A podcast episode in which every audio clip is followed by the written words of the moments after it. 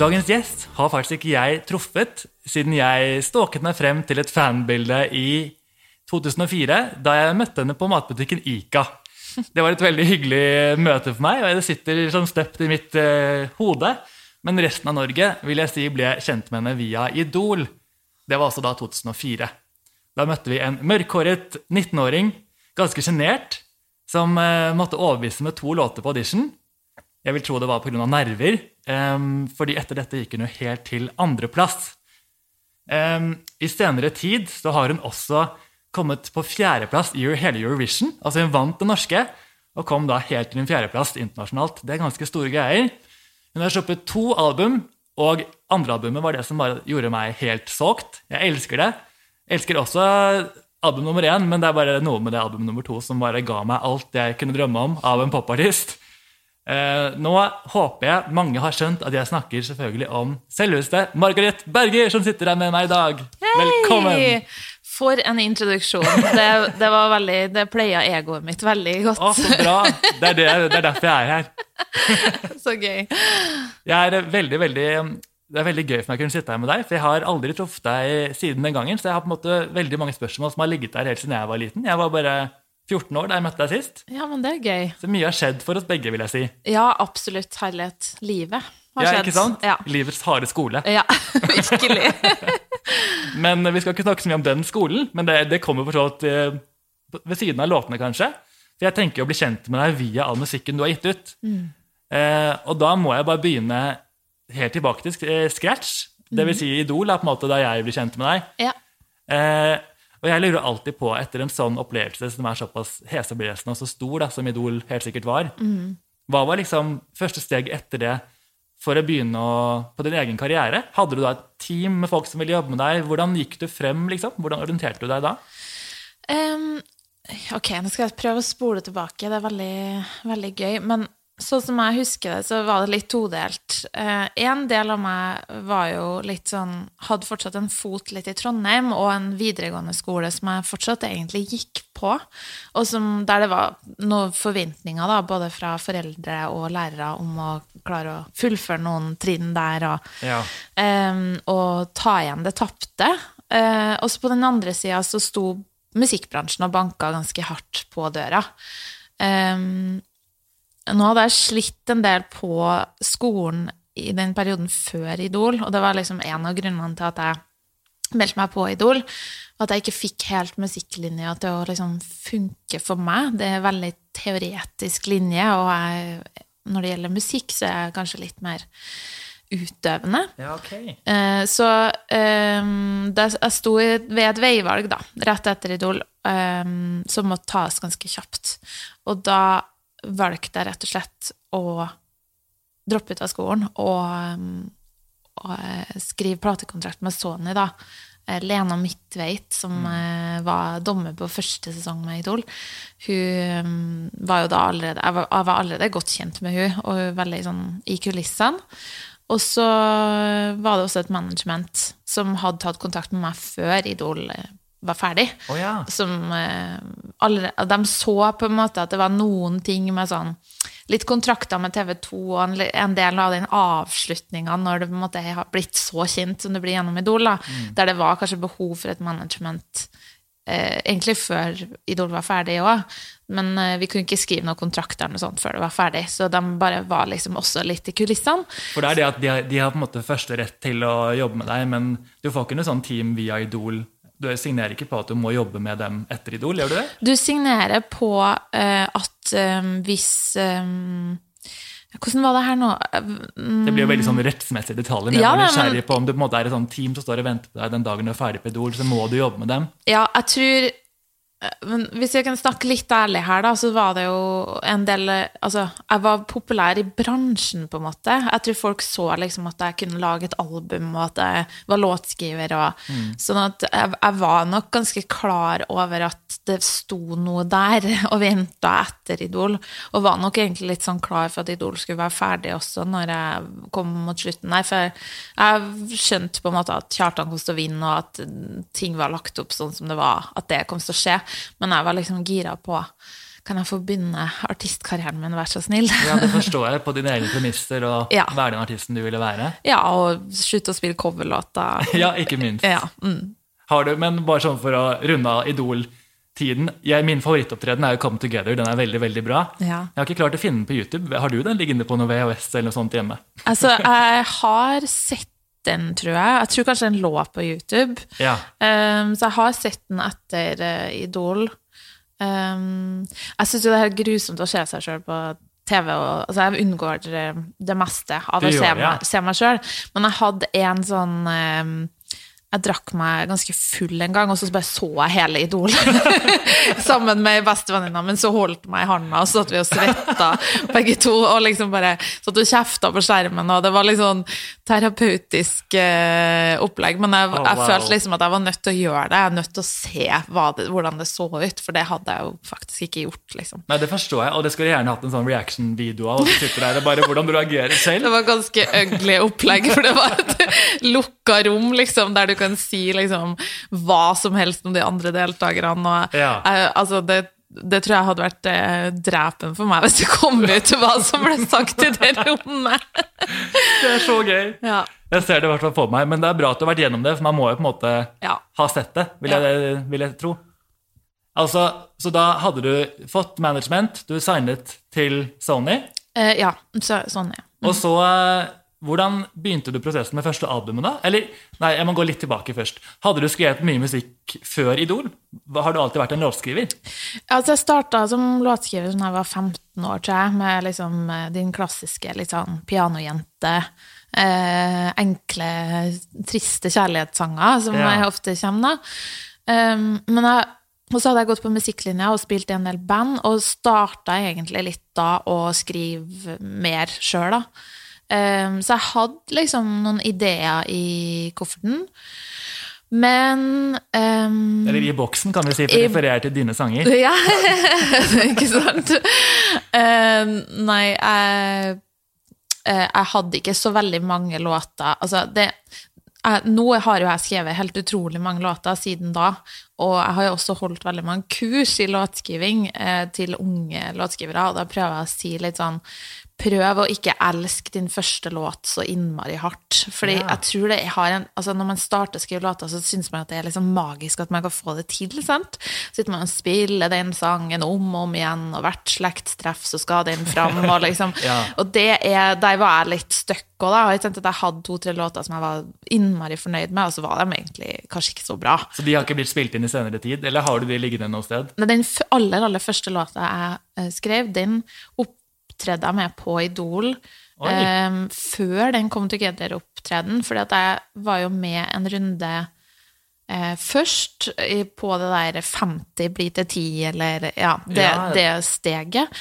Og da spilte ja, da hadde jeg den. Den het Were You Worth My Tears? Wow. Så jeg var veldig sånn tidlig på den med å prøve å vise meg fram som en låtskriver også. Eh, og da gikk jeg ut, så det sier jo litt. og så eh, Men så fikk jeg wildcard av eh, Anneli Drekker, samme sendinga som jeg gikk ut, for da skulle liksom wildcards annonseres. Ok, det var sånn det var, ja. Ja. Det Så var bra det var at du frisket opp det litt, for jeg har glemt den topp 50-prosessen. Og må jeg innrømme at jeg har glemt litt av hvordan den funket. Ja, herlighet. Det, og så ble den veldig mye endra. Men du kan jo se for deg følelsene på innsida av en da 18-åring, når du på en måte ryker ut av Idol, Ja. som var liksom din sånn Det her er kortet jeg har nå. Går dårlig på skolen, og nå må jeg bare satse på det her. Så du bare Hjertet langt, langt, langt ned i magen, og så liksom fem minutter etterpå sånn You got a wild card! og da får du, fikk du liksom lov til å opptre en gang til, da, på en sånn siste tierrunde, og det, Ja. det var da jeg gjorde Come Together. For en berg-og-dal-bane. Altså, man må bli helt uh, satt ut av det, tenker jeg. Ja, det var, det, altså de følelsene eh, på innsida av kroppen eh, i en sånn prosess, er jo sånn Ja, du kan bli litt svimmel. Plutselig kom bygdejenta fram. Det er bare gøy, syns jeg. Um, eh, og så, altså ganske kort tid etter Idol, så slapp du ditt debutalbum, 'Chameleon'. Ja. Hvordan begynte prosessen med dette albumet her? Det er kanskje et stort spørsmål, men du kan velge å svare på det hvordan du vil. Jo, altså mm, Jeg skal, eh, skal være litt sånn ærlig med den prosessen med det første albumet, fordi vi hadde dårlig tid, og jeg var jo en veldig fersk låtskriver. For det var, bare- det var bare fem måneder etter Idol, eller noe sånt. Kan det stemme? Ja, det var jo Idol var ferdig i mai, tror jeg. Ja. Og så var, kom albumet ut i oktober, så det måtte jo Ja. være ferdig i september. Det er veldig tett på, ja. Ja, veldig tett på når du liksom ikke har noen låter. Så var, ja. så, og, og det skal sies at jeg var egentlig ganske sliten. Naturlig nok. Eh, men, men jeg var jo gira, men jeg var sliten. Og, det, og jeg hadde masse valg jeg måtte ta. Skal jeg bo i Trondheim, skal jeg bo i Oslo? Det var liksom, altså, livet var en flodbølge av ting. Overveldende. Men eh, derfor er jeg veldig glad for at det kom eh, to fine mannfolk. Han ene heter Espen Berg, og han er jo eh, en del av eh, SIB, SEB. Ja, er han det? Ja, ja. Så han, Espen Berg og en som heter Hans Jørgen Støp, de eh, gikk sammen i et team. De, de er veldig sånn forskjellige typer. Hans Jørgen Støp var vokalist i Locomotives, som var et band sånn på 90-tallet. Um, eh, og, og Espen er skikkelig liksom sånn studionerd som skrur og mikser bra lyd. Og han hadde nettopp gjort Briskeby, den eh, Jeans for Anassis-plata, og den hadde jo et sound som jeg tror på en måte Sony så litt for seg at også var et sound som kunne kle meg, da. Det litt sånn kjølige eh, Kjølige, litt sånn dyre poprocken, på en måte. Ja. Eh, sånn at eh, vi tre ble satt sammen. Jeg og Hans Jørgen satte oss for å skrive masse låter sammen. Eh, jeg begynte å utvikle meg som låtskriver. Og så var det sånn, vi, vi drev og forska mye på sånn Hvilket stemmeleie er interessant når man tar opp det. Og um, hvis man har hørt på den plata, så vil man høre at jeg synger ganske dypt på den plata i forhold til hva jeg faktisk gjør nå. Ja. Eh, så da, da fant vi ut at det var fett og kult å ha en litt sånn her ja, dyp eh, tilbakelent holdning, da, var på en måte feelingen vi ville ha. Eh, og jeg er jo stolt av den plata, men den, den er litt konstruert for, jo- for meg, på en måte. Du har jo likevel vært med å skrive åtte av sangene selv, så du Ja. ble involvert i prosessen, selv om du kanskje ble tvunget til å bare presse frem litt tanker og følelser. Ja. Jeg vet ikke helt hvordan det var. Jo, det er jo det, ikke sant? at man, man får ikke tid til å egentlig liksom oppleve livet, da. Eh, samtidig, altså, det var, jeg var liksom Man må ha noe å skrive om, og så hadde jeg måtte, vært i den her eh, idolbobla så innmari lenge, og bare vært opptatt av det, og bodd på en suite i Brist- på Bristol, og bare sånn ja, Man kan ikke skrive om det. Det er ikke så Det er jo en veldig ny norsk låttittel eventuelt. En suite på Bristol. det er ikke akkurat så veldig sånn relaterbart. Og Nei. heller ikke sånn som jeg liker at folk sk- Jeg hater når folk skriver om sånn Når Taylor Swift blir veldig sånn I'm a star og liksom My Life og Det eneste låta som funker er, sånn, er Britney Spears sin Lucky, syns jeg. Oh, nå rører du meg. Det er min aller største favoritt. Ja. Det er liksom, Når du så har det metaperspektivet, så er det fint. Ja, Liksom. for det er med Eh, en trist undertone. Ja, absolutt. Ja. Men, eh, så jeg var ikke interessert i å liksom, ta den uh, approachen. Men, men eh, Hans Jørgen er en fantastisk låtskriver, og så fikk jeg lov til å liksom, sitte litt med på det toget. Men jeg vil kanskje ikke si at de låtene var mest meg. Det syns jeg at jeg kan være ærlig og si, at Ja. eh, det, jeg fikk masse hjelp.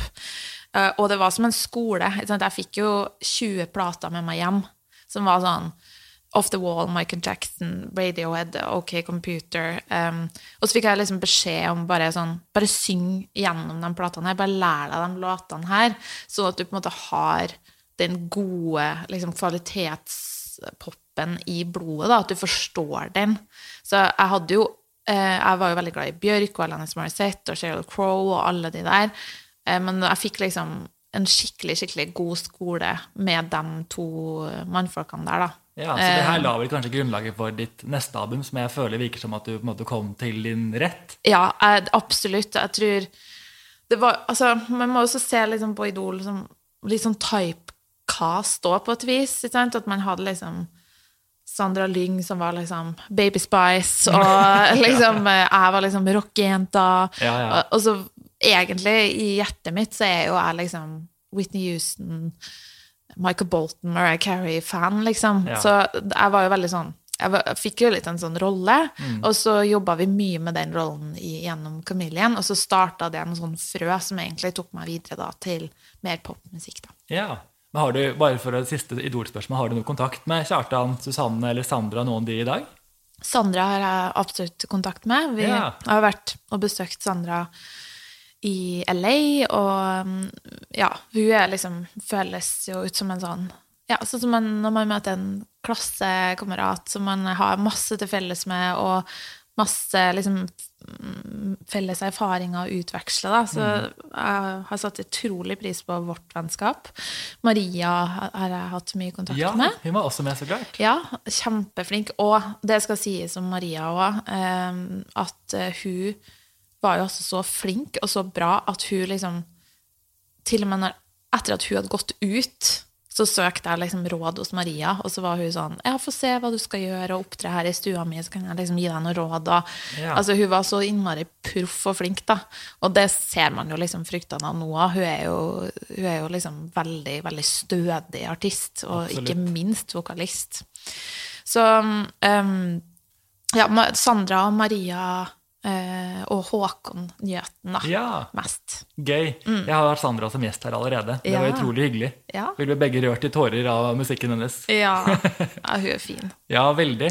Men eh, altså på ditt første album så har du jo singelen 'Lifetime Guarantee', Ja.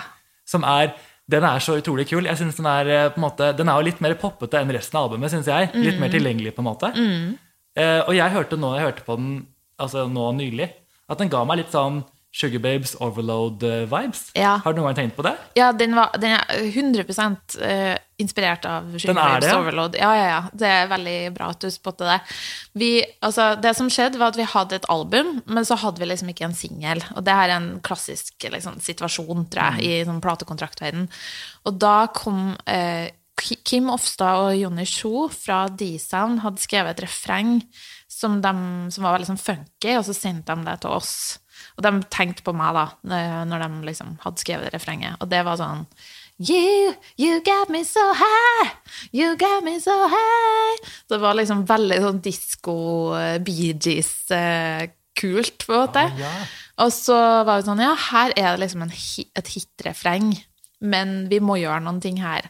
Og så bare dro vi det litt ned, og så var vi alle veldig fan av det soundet til Sugar Babes, og vi kjente jo litt på den der, som er sånn sånn tilbakelente, kjølige popgreier eh, var liksom pop, poppis da. Og vi syntes det var kult, så vi bare liksom masha den viben sammen, da. Eh, og så var vi også sånn tekstmessig veldig inspirert av liksom Devil's Advocate og ja, litt sånn ja, psykisk spill, på en måte. Ja, men Så gøy å høre at det faktisk stemte. For Ja. Det er bare et kompliment, for jeg syns begge låtene er utrolig kule i hver sin rett. Ja. Um, og du fikk jo også en Spellemann for musikkvideoen. Ja. Som, eh, den videoen eh, den så jeg også på nå nylig, bare for å friske opp litt. Ja. Den har så mange morsomme detaljer. Ja. Altså på, Når du er på et slags eh, Extreme Makeover-sykehus ja.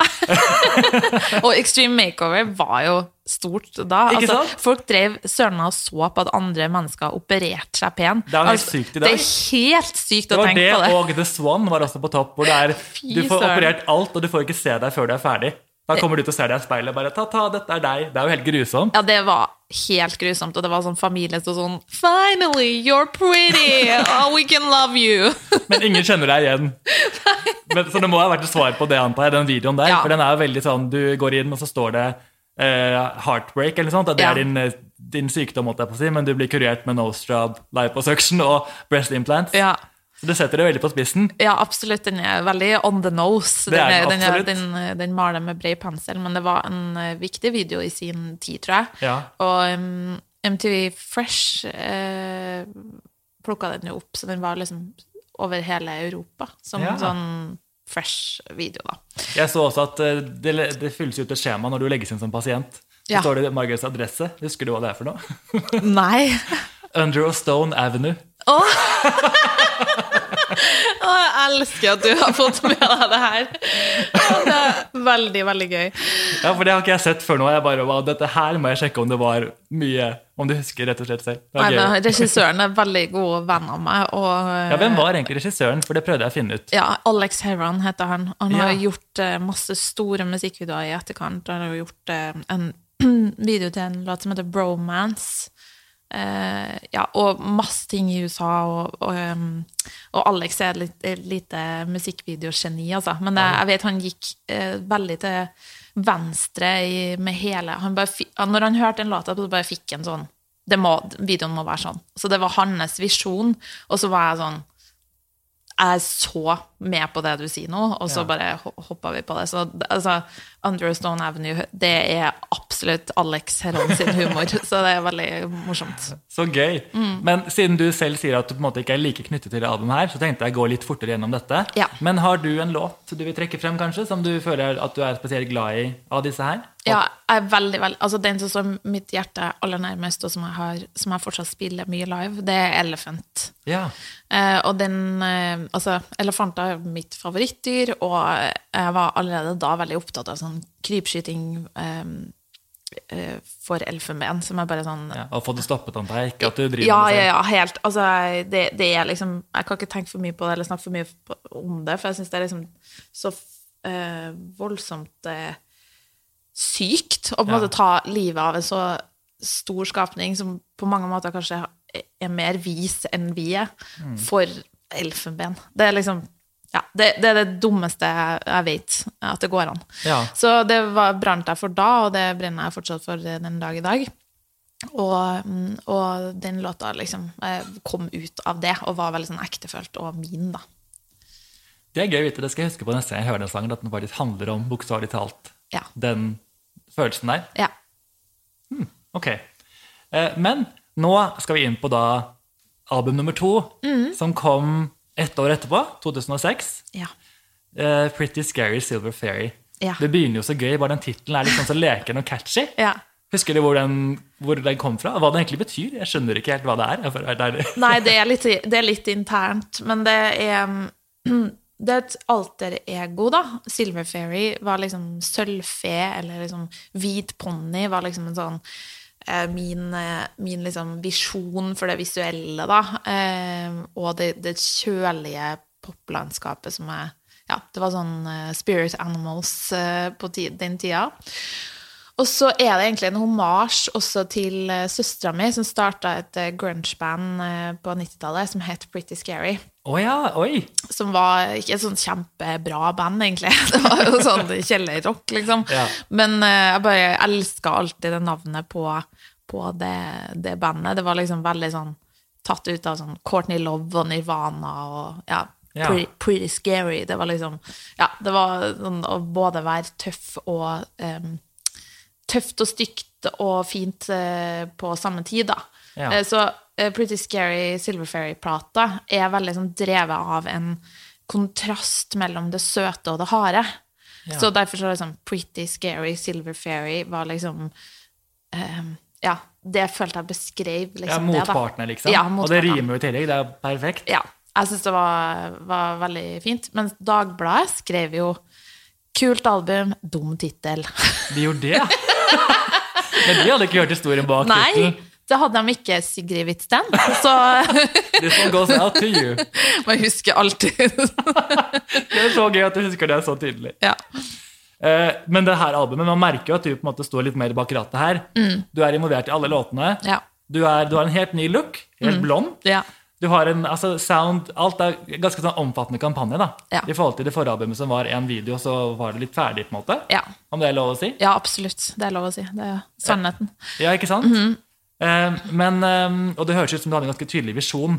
Eh, du jobbet jo mye med Hans Jørgen Støp, hva er det han heter? Hans, Hans Jørgen Støp, ja, jeg glemte mm. Dobbeltnavn er litt forvirrende. Nei, det går bra. Eh, han var også med her, men du hadde med et par andre nye folk du jobbet med. ja. Eh, Pete Martin og Jukka Immonen blant annet. Mm. De var veldig involverte. Hvordan var det du kom i kontakt med dem? Husker du det? Ja. Eh, Det som skjedde mellom førsteplata og andreplata, er at jeg ble signa til en publisher i Sverige. Oh, ja. En, eh, en fyr som heter Ben Malén, som jobba for et selskap som heter Air Chrisleys.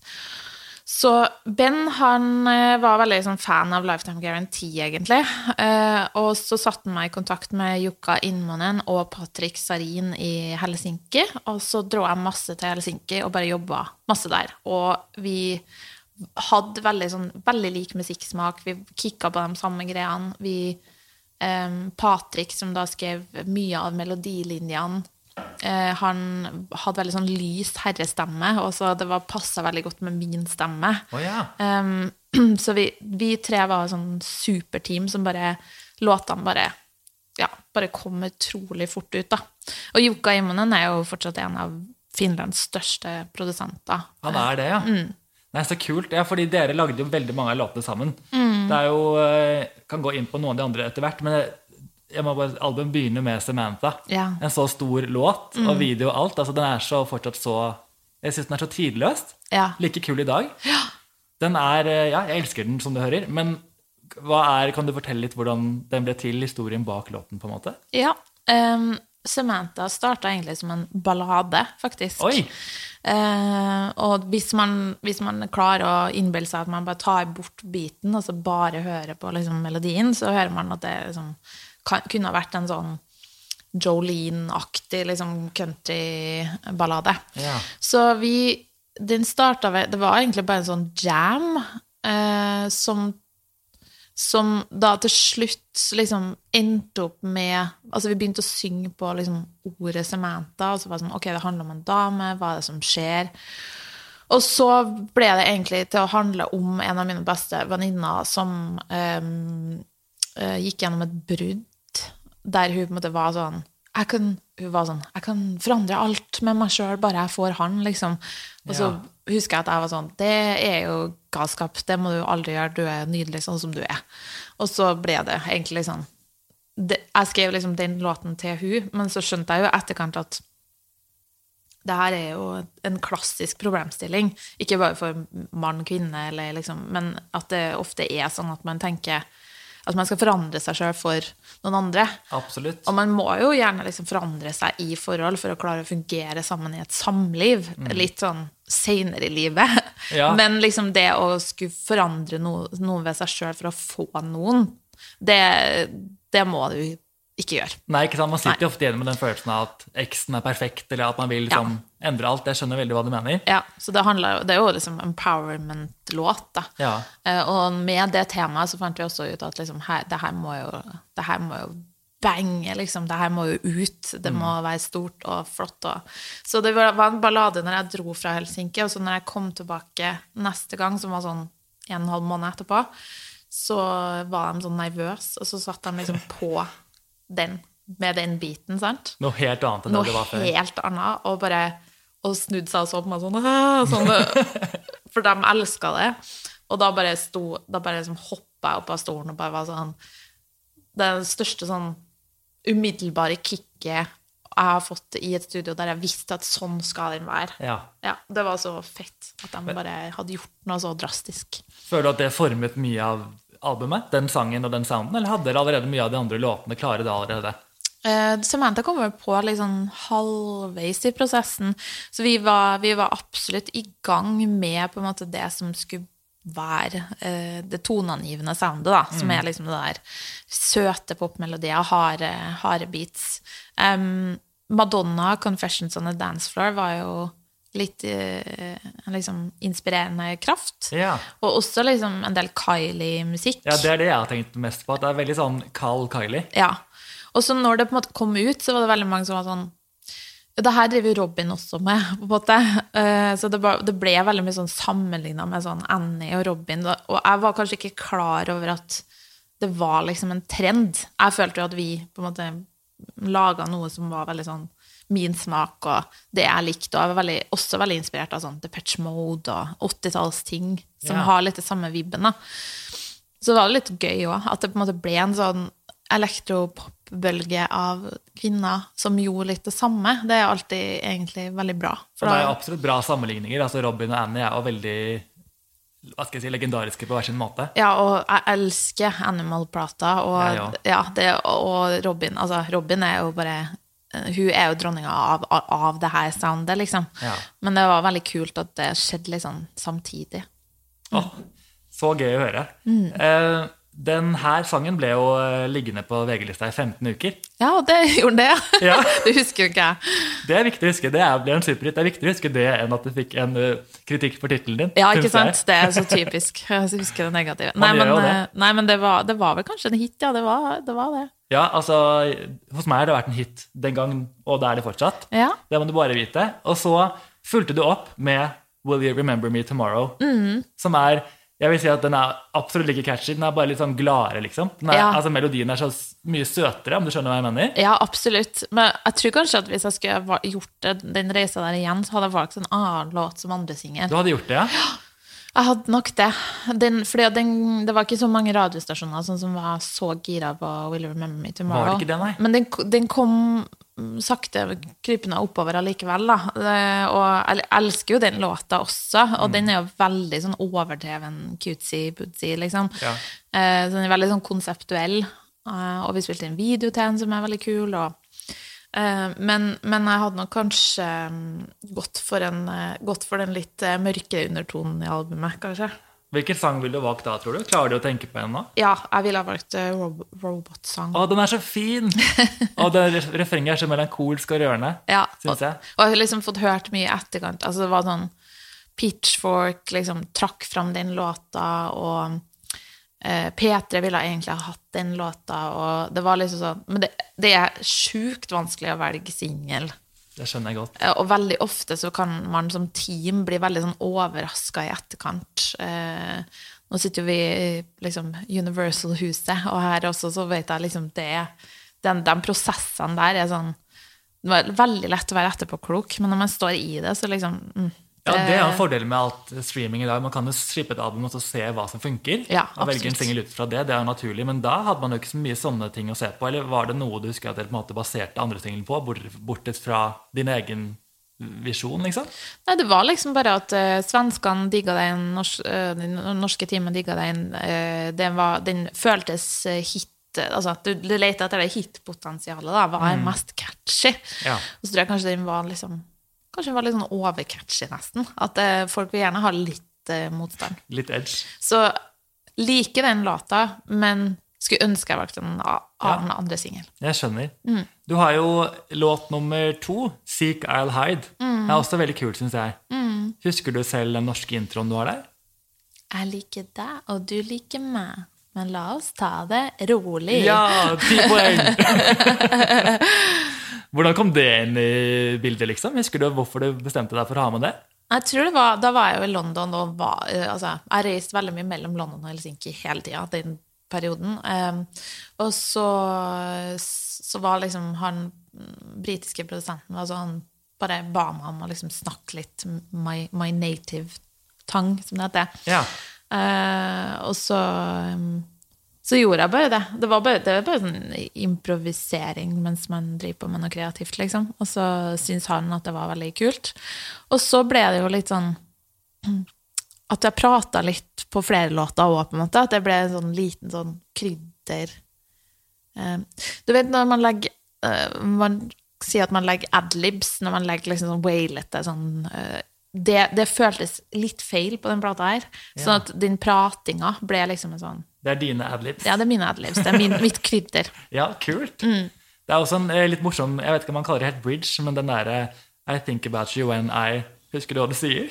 I think about you when Nei, I think about you when I time I laces I think about you when I brush my teeth, brush my teeth go to sleep. You're always on my mind. Ja, så, ja, herregud, det er lenge siden jeg har hørt på den. Altså. Ja. Jeg bare hang meg opp i det, for det er også en morsom litt sånn snakkesyngende del. Som Ja. er litt morsomt skrevet. Den her er også skrevet med og produsert av Pete Martin, bare så det er sagt. Ja, og det, det er en annen ting som er gøy med den låten, er at eh, jeg våkna opp snylteforkjøla den dagen vi skulle spille inn vokalen. Og, så er det sånn med studio i London, og tida til folk som bor i London, er jo sånn du kødder ikke med det. Eh, Du, du kommer ikke for seint. Selv om studioet ligger 40 minutter utenfor London, og du ikke visste hvor det var, og du må, må gå gjennom et industriområde, så kommer du ikke for seint, liksom. Og jeg er jo kjempefæl til å komme for sent. Jeg kommer for sent i dag òg. Eh, så det, jeg fikk mye kjeft og sånn av han. Eh, han var veldig streng med meg. Eh, og så våkna jeg opp snylteforkjøla og sa sånn jeg, I can't record vocals today. Liksom, det var helt krise. Men han var sånn du, Det må du bare. Vi må bare gjøre det. Og så får du bare høres forkjøla ut. Liksom. Så det er fra det opptaket hvor du er kjempeforkjøla? Jeg er kjempeforkjøla Og det, jeg husker søstera mi var den eneste som hørte det. Var sånn Var du forkjøla når du spilte inn her? Bare, ja.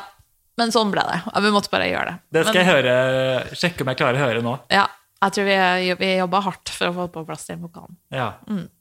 En annen sang som eh, er litt sånn koselig, er den Naive 16. Ja. Den, eh, det er en av mine favoritter. Er det et spesifikt forhold du snakker om da du var 16 som det her handler om, eller er det litt mer sånn bredt tema? Nei, det er absolutt et spesifikt forhold. Det er liksom Ja. min første crush, Ja. som var sånn helt urealistisk og idiotisk opplegg. Sant? Sånn, han var 25, jeg var 16, og gjorde så sykt mye dumme ting, og bare var sånn gullible, dum liten ting, liksom. Som man bare er når man er 16 år. Jeg, bare kom liksom med kjærlighetserklæringa og var liksom bare sånn fram i skoa. Og det var var jo altfor stor aldersforskjell, og det var bare sånn Han var sånn det her det, det går jo ikke, på en måte. Vi kan Nei. ikke være kjærester. Og det skjønner jeg jo, herregud. Vet han at den sangen handler om det, tror du? Ehm, nei, det tror jeg ikke. Jeg tror ikke han tenker så mye på meg eller hører så mye på min musikk. Jeg tror han tenker på hun gærne stalkerjenta som han kjente en gang i tida. Det er veldig gøy. En ting jeg liker veldig godt med den sangen, er altså Du synger jo I call his phone, he's unavailable. Og så kommer det ringetonelyder i bakgrunnen. Det så, Overtydelig. ja, det er så visualiserende. Jeg elsker det. Veldig bokstavelig. Det syns jeg er så gøy. Ja. Um, har du en annen favorittlåt på dette her albumet? Nå har du nevnt Robot Song som at du vil ha den som singel. Er det noe andre du gjerne vil løfte frem? Jeg liker veldig godt Have You Never Ever, Ja. som er den siste låta. Den, er bare sånn, jeg liker, den er veldig sånn flytende, god vibb. Og jeg husker jeg har veldig sånn positiv assosiasjoner til da vi skrev den. Og så er jeg veldig glad i I'm Gonna Stay After Summer, som er beskrevet på en gård i Levanger sammen med Hans Jørgen. da. Ehm, og da var vi bare sånn Jeg husker jeg var veldig altså En av mine favorittpoplåter er 'Millionaire' av Kelis. Oh, ja. Uh, og så hørte vi en del på den. Og så, de- den er veldig sånn, Produksjonen er veldig sånn inspirert av den mm, litt sånn samme type bit. Og så bare Ja. Også veldig gode assosiasjoner til den skriveprosessen. Så, ja, for jeg skulle si at den minner meg litt om Solange. Som sa, Ja, altså hennes musikk senere tid, så da vil jeg si at du inspirerte henne. ja, ikke sant? Ja, Solange har nok hørt på meg. Ja, det tror jeg. Det bekrefter vi i dag. Ja. Eh, altså Etter dette her albumet kom ut, det ble jo åpenbart tatt veldig godt imot eh, med Samantha i spissen. Mm. Eh, hva skjedde liksom perioden etter det? For det tok lang tid før det kom ny musikk igjen etter det. Ja. Det som skjedde, var eh, litt sånn kjedelig historie, for det var egentlig det samme som skjedde med alle i den perioden. Men det kom jo et eh, plateselskap, Crack, liksom. Ja. Det var allerede på gang før det der, men, men Sony hadde satsa veldig hardt på meg. Og de hadde brukt mye penger.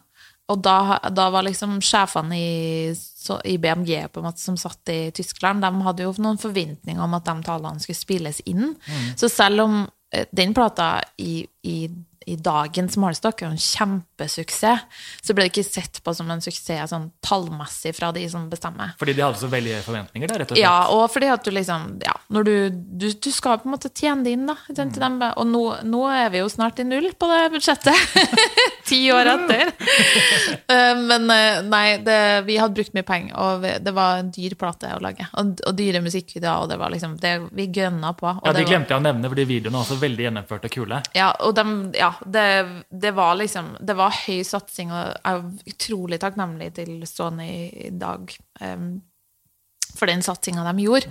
Men så kom jo på en måte liksom hele the recession av plateselskapsbransjen, og tallene bare stupte for alle. Og Napster var der, og det var liksom Ja, og Spotify kom vel i 2007, hvis ikke jeg husker helt feil. ja, og så det tok lang tid før liksom Altså, nå er jo streaming på en måte en, Etablert, en ja, en forretningsmodell som kan fungere for en bransje som er forutsigbar. Mm. Eh, det er jo absolutt ikke sånn som det var med CD-plata.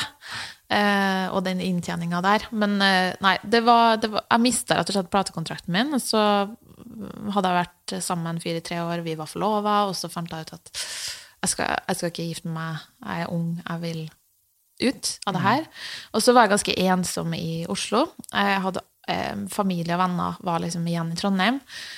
Og jeg hadde jo bare dratt derifra og satt på et hurtigtog eh, i fire-fem år, liksom. Um, Som er veldig modig gjort, det må du bare vite. ja, ah, ja, sett i etterkant så har jeg jo veldig mye forståelse for mine valg.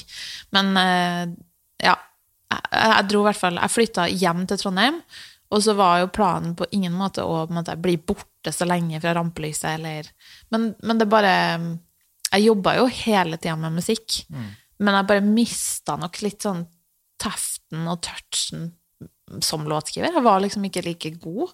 Eh, og så satt jeg også et helt år og venta på å dra til USA. For jeg var, hadde liksom en sånn deal da, eh, som var på gang, oh, ja. eh, og som hele tida ble liksom pushed back to-tre måneder. Og det er en sånn lekse som jeg har lært meg i livet av de årene der. At jeg skal aldri, aldri, aldri stå og vente på at telefonen ringer, at noen skal sende meg en plass, eller at noe skal skje. Du må få ting til å skje sjøl. Ja, man må bare gjøre noe, liksom. Ja, man må gjøre det. Og hvis, hvis du står på vint, og kanskje, no, kanskje noe skjer, eller et løfte eller noe i framtiden ligger der foran deg, så er det sånn supert.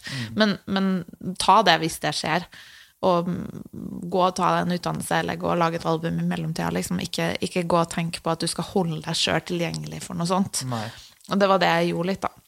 Så eh, mange liksom unnskyldninger for hvorfor ting ble sånn som det ble, men først og fremst så var det nok fordi at jeg ikke skrev bra nok låter til å lage et album akkurat da. Det Ja. bare eh, Det stoppa litt opp. Ikke skrivesperre akkurat, men bare ikke bra nok materiale, da. Men så, etter da fem år, kom endelig en ny singel. In a box. Jeg Ja. husker jeg kjøpte den på iTunes, og var så fornøyd med å endelig ha deg tilbake. Ja, så gøy. Hvordan føltes det da å komme tilbake med en ny sang? Hvor var du da, liksom, i Ja, hvordan føltes det? Jo, det var, det var veldig bra. Jeg var jo fortsatt liksom velkommen tilbake til musikkbransjen når jeg hadde musikk som, som noen syntes var bra. Og liksom mer management var med meg, og Universal hjalp dem å gi ut den låta, og jeg fikk gigs på Bylarm, og det var liksom Det var ting på gang. Og så bare var eh, Også In a Box syns jeg jo fortsatt er en veldig kul låt. Og fikk gode anmeldelser og sånn, husker jeg. Eh, Så det var jo liksom lovende, da. Men det, det, det løsna liksom ikke helt. Men Hadde du da egentlig lyst til å slippe en EP eller et album? Hadde du på en måte mye materiale du var egentlig fornøyd med? Ja, jeg hadde, jeg hadde egentlig en EP klar Ja. med liksom eh, Som jeg hadde produsert sammen med eh, eksen min, da. Og den var jo kjæresten min da. Men eh, eh, ja, Så vi jobba sammen, jeg og han i team, da, med å skrive alle de låtene her. Og det, det, var, det er fortsatt mange ting der som var veldig kult. Og, Som aldri har kommet ut? Som aldri har kommet. Så, så jeg ligger Jeg har liksom en skuff med ti låter som, som, jeg, som det ikke er noe i veien med, som er dritkule låter, og som er bra poplåter, ikke minst. Men uh, det er noe med timing, sant? Med, med, spesielt med popmusikk. Du skal liksom treffe Det skal være litt nyskapende, men så skal det òg være kanskje noe som folk på en måte kan knagge det på Absolutt, ja. det som jeg snakka om, den her trenden med liksom sånn Bertine, Annie, Robin, Kylie, Madonna-trenden som var liksom rundt 2006-2007. da. Eh, det- og den på en måte, det jeg holdt på med, var litt annerledes enn det andre folk holdt på med akkurat da. Så, ja. Men altså, den skuffen der vil jeg gjerne se en vakker dag. ja, det er noen låter der som på en måte jeg har eh, Jeg har ikke tenkt å gi dem opp helt ennå, men det er ikke sikkert de er til meg. Kanskje de er til noen andre. Ja, men Det er en lur tanke, da. Mm. Jeg så bare Apropos det, så jeg at forrige uke slapp Elton John et sånn Jewelbox-album med 120 utgitte låter. Ja. Det kan jo skje en vakker dag, hvem vet? Ja, jeg tenker at det Altså, jeg òg har 120 låter i, i noen iTunes-mapper opp igjennom, altså, men Ja. jeg vet ikke helt om Altså, Elton John og jeg Jeg vil ikke sammenligne meg med Elton John. Fordi han, har, han er jo en av Tines beste låtskrivere. Ja.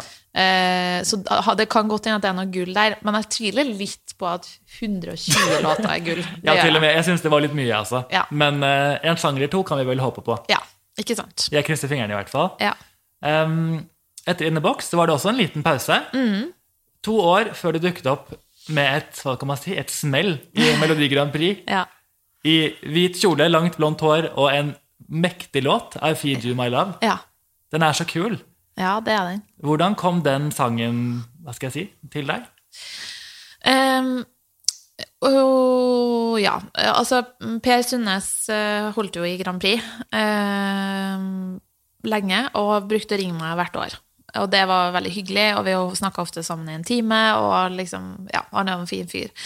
Eh, men jeg var sånn mm, Jeg tror ikke Grand Prix er noe for meg. Jeg, jeg hadde på en måte litt sånn Jeg har gjort Idol, skal jeg gjøre Grand Prix òg? Um, og det er jo egentlig bare helt dust at jeg tenkte det, for det har jo ingenting å si. På en måte, sånn, det har ikke noe, du må på en måte bare ta de eh, eksponeringsmulighetene du har. Da. Men det var jo, altså jeg fikk jo låter i mailboksen også, sånn at det var liksom det var, De låtene var ikke noe som jeg tenkte sånn Ja, men den, med den her vinner jeg Grand Prix, liksom. Men så, og så ble Vivi Stenberg, som jeg hadde jobba med i Sony, hun ble liksom sjef for eh, Grand Prix. Ok.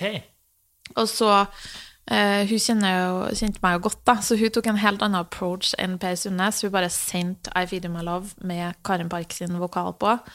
Og så sa hun sånn vet, Du vet jo hva Grand Prix er. Her er låta. Er du med? Ja, enkelt og greit. Ja, hun bare sånn Bare hør låta. Ja, du skal få tenke sjøl. Og så var jeg sånn å, herregud. Så jeg flippa fram og tilbake, fram og tilbake, fram og tilbake. Nei, nei, nei. For det som også hadde skjedd i mellomtida, at jeg hadde, jeg hadde liksom laga et helt album i studio som jeg var sånn Det her er jo dritbra, det. Som var da etter denne Dønningra in the box, eller Ja, noe annet? Ja, etter in the box. så jeg på en måte begynt med en sånn liten ny greie. Um, og jeg hadde Det her er jo sånn superalternativt, men jeg hadde også vært hos en healer em, som sa en del ting til meg, og ja, hadde en sånn reading på meg. Uh, og hun sa også Det er ganske sjukt, for at, uh, jeg kobla ikke det her for lenge etterpå, men hun sa at du skal vinne. Og så sa hun at du skal stå sånn. Oi! Altså, nå Eh, viser ja, sorry, akkurat den ja. bevegelsen du gjør på scenen når Ja. du synger sangen. Ja, og det må jeg bare, jeg må bare liksom eh, em, strek under to streker under svaret. Jeg gjorde ikke sånn med armene fordi at eh, fordi at hun sa det, for jeg kobla ikke det her før seinere. For hun sa sånn Du kommer til å vinne, du kommer til å vinne noe. Du kommer til å vinne noe. Og, og um, så jeg hadde, jeg hadde på en måte fått det veldig sånn jeg hadde gått gjennom en prosess der jeg hadde sånn kjærl- skikkelig kjærlighetssorg over skal jeg gå fra musikken, jeg får ikke helt til det her, jeg får ikke til å gjøre det til et levebrød. Jeg hadde jobba to år som musikkprodusent i P3 og hadde det veldig fint med det. Det var det også, ja. Det visste jeg ikke. Ja, Men så bestemte jeg meg bare for å liksom Jeg må bare prøve en gang til med musikken. Det er det som er liksom hjertet mitt. Det er det jeg føler at jeg skal gjøre. Eh, og så, så jeg hadde jo liksom en helt annen plan og et helt annet sound enn I Feed You My Love er. Det var mye mer sånn mm, Brianna-landskap, på en måte mye mer sånn beatorientert og stort og liksom ja, veldig sånn trommebasert eh, musikk eh, på en annen måte enn Feed You My Love er, da. Og så, eh, men så klarte jeg søren meg ikke å liksom Hver gang jeg tenkte på at noen andre skulle synge I Feed You My Love, så ble jeg misunnelig. Jeg kjente liksom at Men jeg vil at det skal være min. Den er så fin, og den er så bra. Og det er liksom Så du fikk et sånn eierskap til den, selv om du ikke hadde Ja, skrevet den selv, så ble ja. du på en måte helt knyttet til den? da? Ja, ja, det var, jeg ble liksom forelska i låta. At det var sånn Jeg er usikker på om jeg vil ha det, men jeg vil i hvert fall ikke at noen andre skal ha det. Nei, jeg skjønner. Så, um, så etter hvert så Bare Ja, let's go. Vi gjør det. Og det følte hele Norge også, i og med at du vant hele greia. I Norge, altså. Ja. Det var Altså, sånn Jeg vet at for veldig mange Eller veldig mange har fortalt meg at det var liksom veldig obvious at jeg skulle vinne, og at det var liksom sånn slam dunk, liksom. Men det året så var det jo et sykt bra Grand Prix. Det var liksom Datarock var med, Sirkus Eliassen var med, Adele Nei, Adelen. Adele var ikke med. Adelen var med med den Bombo, Bombo, ja. som er dritbra, og det var liksom Det var så Kanskje en av de beste Grand Prix-årene. Mm. Sånn samla sett, altså. Det var sinnssykt bra. Likevel kom du helt til topps. Ja, og det, det var ikke obvious for meg, men det var, det var liksom veldig mange som sa at det var bare så tydelig at liksom den låta og du skulle liksom gjennom, da. Mm. Så det er hyggelig å høre. Det føltes helt perfekt, bare på en måte hele sceneopptreden, sangen. Og deg da, det var bare sånn Wow, der satt det. Ja, det er veldig gøy, for vi, jeg var på en Jeg hadde en helt annen sånn Jeg hadde tenkt at jeg skulle ha liksom sånn uh, Queen of the Night-aktig antrekk med liksom Det skulle trekkes noen sånne svarte tråder opp gjennom scenen, og det, uh, og det var, skulle liksom være så svært, og det skulle være dansere, og så bare uh, På et eller annet tidspunkt så var jeg sånn Uh, nei. Det må, det må liksom helt ned. Det må, liksom, Ja. det må være enkelt, det må være stilrent. Jeg vil ha med meg kompisen min. Og sangen er så stor i seg selv, ikke Ja, sant? det det var liksom litt det. At at du trenger ikke noe gimmick, tenkte jeg. Så uh, siden kompisen min er en sånn kjempeunderholdende scenepersonlighet, som han er på tromma, så tenkte jeg at eh, ja, nei, jeg vil bare Det blir oss to. Å, det tror jeg du gjorde helt rett i. Mm. Um, nå etter det, så var du da, ville du da gå tilbake til albumet du hadde klart før? eller Føler du at det forandret veldig mye den veien du var på som artist? Det forandra veldig mye. Og så um, bestemte jeg meg for å fortsette å prøve å skrive med de låtskriverne som, som hadde Ikke Karin, da, for hun gjorde sin egen Altså var opptatt av sin egen musikk, naturlig nok, som artist, som det er det hun mest er, da. Ja. Eh, Så jeg jobba med de som har produsert Idiom My Love, og vi laga masse låter, og liksom hadde jo også da et album klart. Var det blant annet Scream, den du slapp? Ja, Scream og Human Race var to Ja. låter som jeg slapp i etterkant av Idiom You Love. Og så så vi også at det på en måte ikke helt um, De traff ikke like godt som I Feed You My Love. Det var ikke Og også når jeg liksom opptredde live med det, så bare satt det liksom ikke helt for meg. Men jeg hadde en del Altså, jeg blanda jo en del av de gamle låtene som jeg hadde i skuffa, med dem her, og liksom holdt på å styre og, og liksom jobba mot et album, da. Um, så skulle jeg hete New Religion, og vi liksom Jeg hadde tracklist og alt liksom klart. Oi, det her er så spennende. Jeg blir helt satt ut av at vi ikke har fått høre noe av dette her. Ja. Men så er det bare sånn Det skal Før du skal slippe et album, det koster mye penger å kjøpe ut alle produksjonene, og, og, um, så du, det må det må være flere mennesker enn du og to andre som syns at det her er dritfett. Og, og det teamet fikk vi liksom ikke helt med oss. Folk var liksom sånn Nei, jeg, de, de, de, de kjøpte ikke soundet, de elska ikke låtene. Nei. Og syntes ikke at det var opp til standarden som I Feed You My Love var. Og det kan jeg liksom se, og det kan jeg høre òg, at vi, vi, fikk ikke, vi fikk ikke til den der magiske formelen. Så sånn, sånn er det å være artist, altså. altså jeg, jeg lover deg at det er mange, mange, mange artister som bare har så mange album som ikke har kommet ut. Mm. Ja, Marion sa det samme som jeg snakket med nå for noen i sommer, Ja. Det er derfor vi har to Det er derfor Elton John også har 120 låter som han ikke har gitt ut i skuffen. Det er liksom, man kan ikke holde på å gi ut alt hele tida. Det Nei. koster penger, og det skal være en satsing, og du skal ha, du skal ha en, en um, Det Det skal skal- være det det- beste av det beste som det kommer ut, da. det, ja, og det, det er så mange låter som kommer ut hver fredag. Det Mm. er helt sinnssykt mange låter som kommer ut på Spotify, så du må ha tro på det, du må skille deg ut, det må stemme med tida, og det er, liksom, det er veldig, veldig mange parametere som skal klaffe på plass. Ja. Som er, ja, og timing er liksom key, da. Men da, vi kan jo hoppe til eh, i dag, Mm. hvor du har sluppet din første sang på norsk. Se deg, det virker som starten på et nytt kapittel for deg. Ja, det er absolutt det. Og jeg har det øh, Altså, sånn som jeg hadde når jeg skrev Pretty Scary Silver Fairy, der jeg hadde en helt klar visjon og visste akkurat hva jeg gjorde, og var, var liksom sånn Det her er meg, det er det jeg vil gjøre nå. Sånn har jeg det nå, og det er så innmari deilig, for det har jeg ikke hatt siden 2005-2006. Det har vært påvirkning av andre, det har vært sinnssykt mye vingling. Jeg har liksom virkelig ikke visst øh, helt hvor jeg skulle sette ned foten og si at det her er mitt land.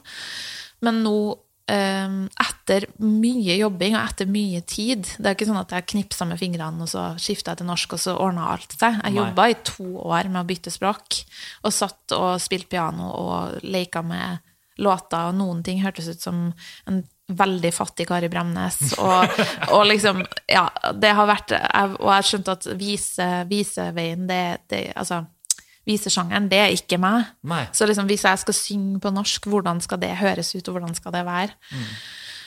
Så nå har jeg jobba mye, og nå kommer låtene liksom veldig mye kjappere. Og så nå skal vi gi ut en låt i desember, og så skal vi gi ut en låt i vår, og de er ferdige, de er klar. Det er liksom Nå ruller det, og det er ikke nødvendigvis sånn at det vil være en kjempebraksuksess, eller at det er det jeg leter etter, men det jeg leter mest etter av alt, det er at jeg kan stå på scenen og spille de her sangene, og så henger det hele sammen, og så forteller det en historie, og så er det meg, og så handler det om meg, og så kjenner folk meg igjen i det jeg gjør. Og det er så fint, Margaret. Altså, Jeg ser så fram, imot å kunne se det selv, oppleve det på scenen. Når det blir mulig for oss alle. Ja. Det gleder jeg meg skikkelig til. Og gleder meg sånn til å spille konserter en gang i framtida. Åh, jeg også. Jeg har aldri sett deg live, og det har jeg virkelig på min bucketlist å gjøre. Ja, kult. Men nå har vi jo gått gjennom så mye av din musikk, og jeg er så fascinert av deg og din, alt du har gitt ut, så jeg må bare si tusen, tusen takk for at du ville være med på det her. Takk for at jeg fikk sitte her og nøle om meg sjøl. Åh, anytime. du har hørt på Popstalgi med Erik.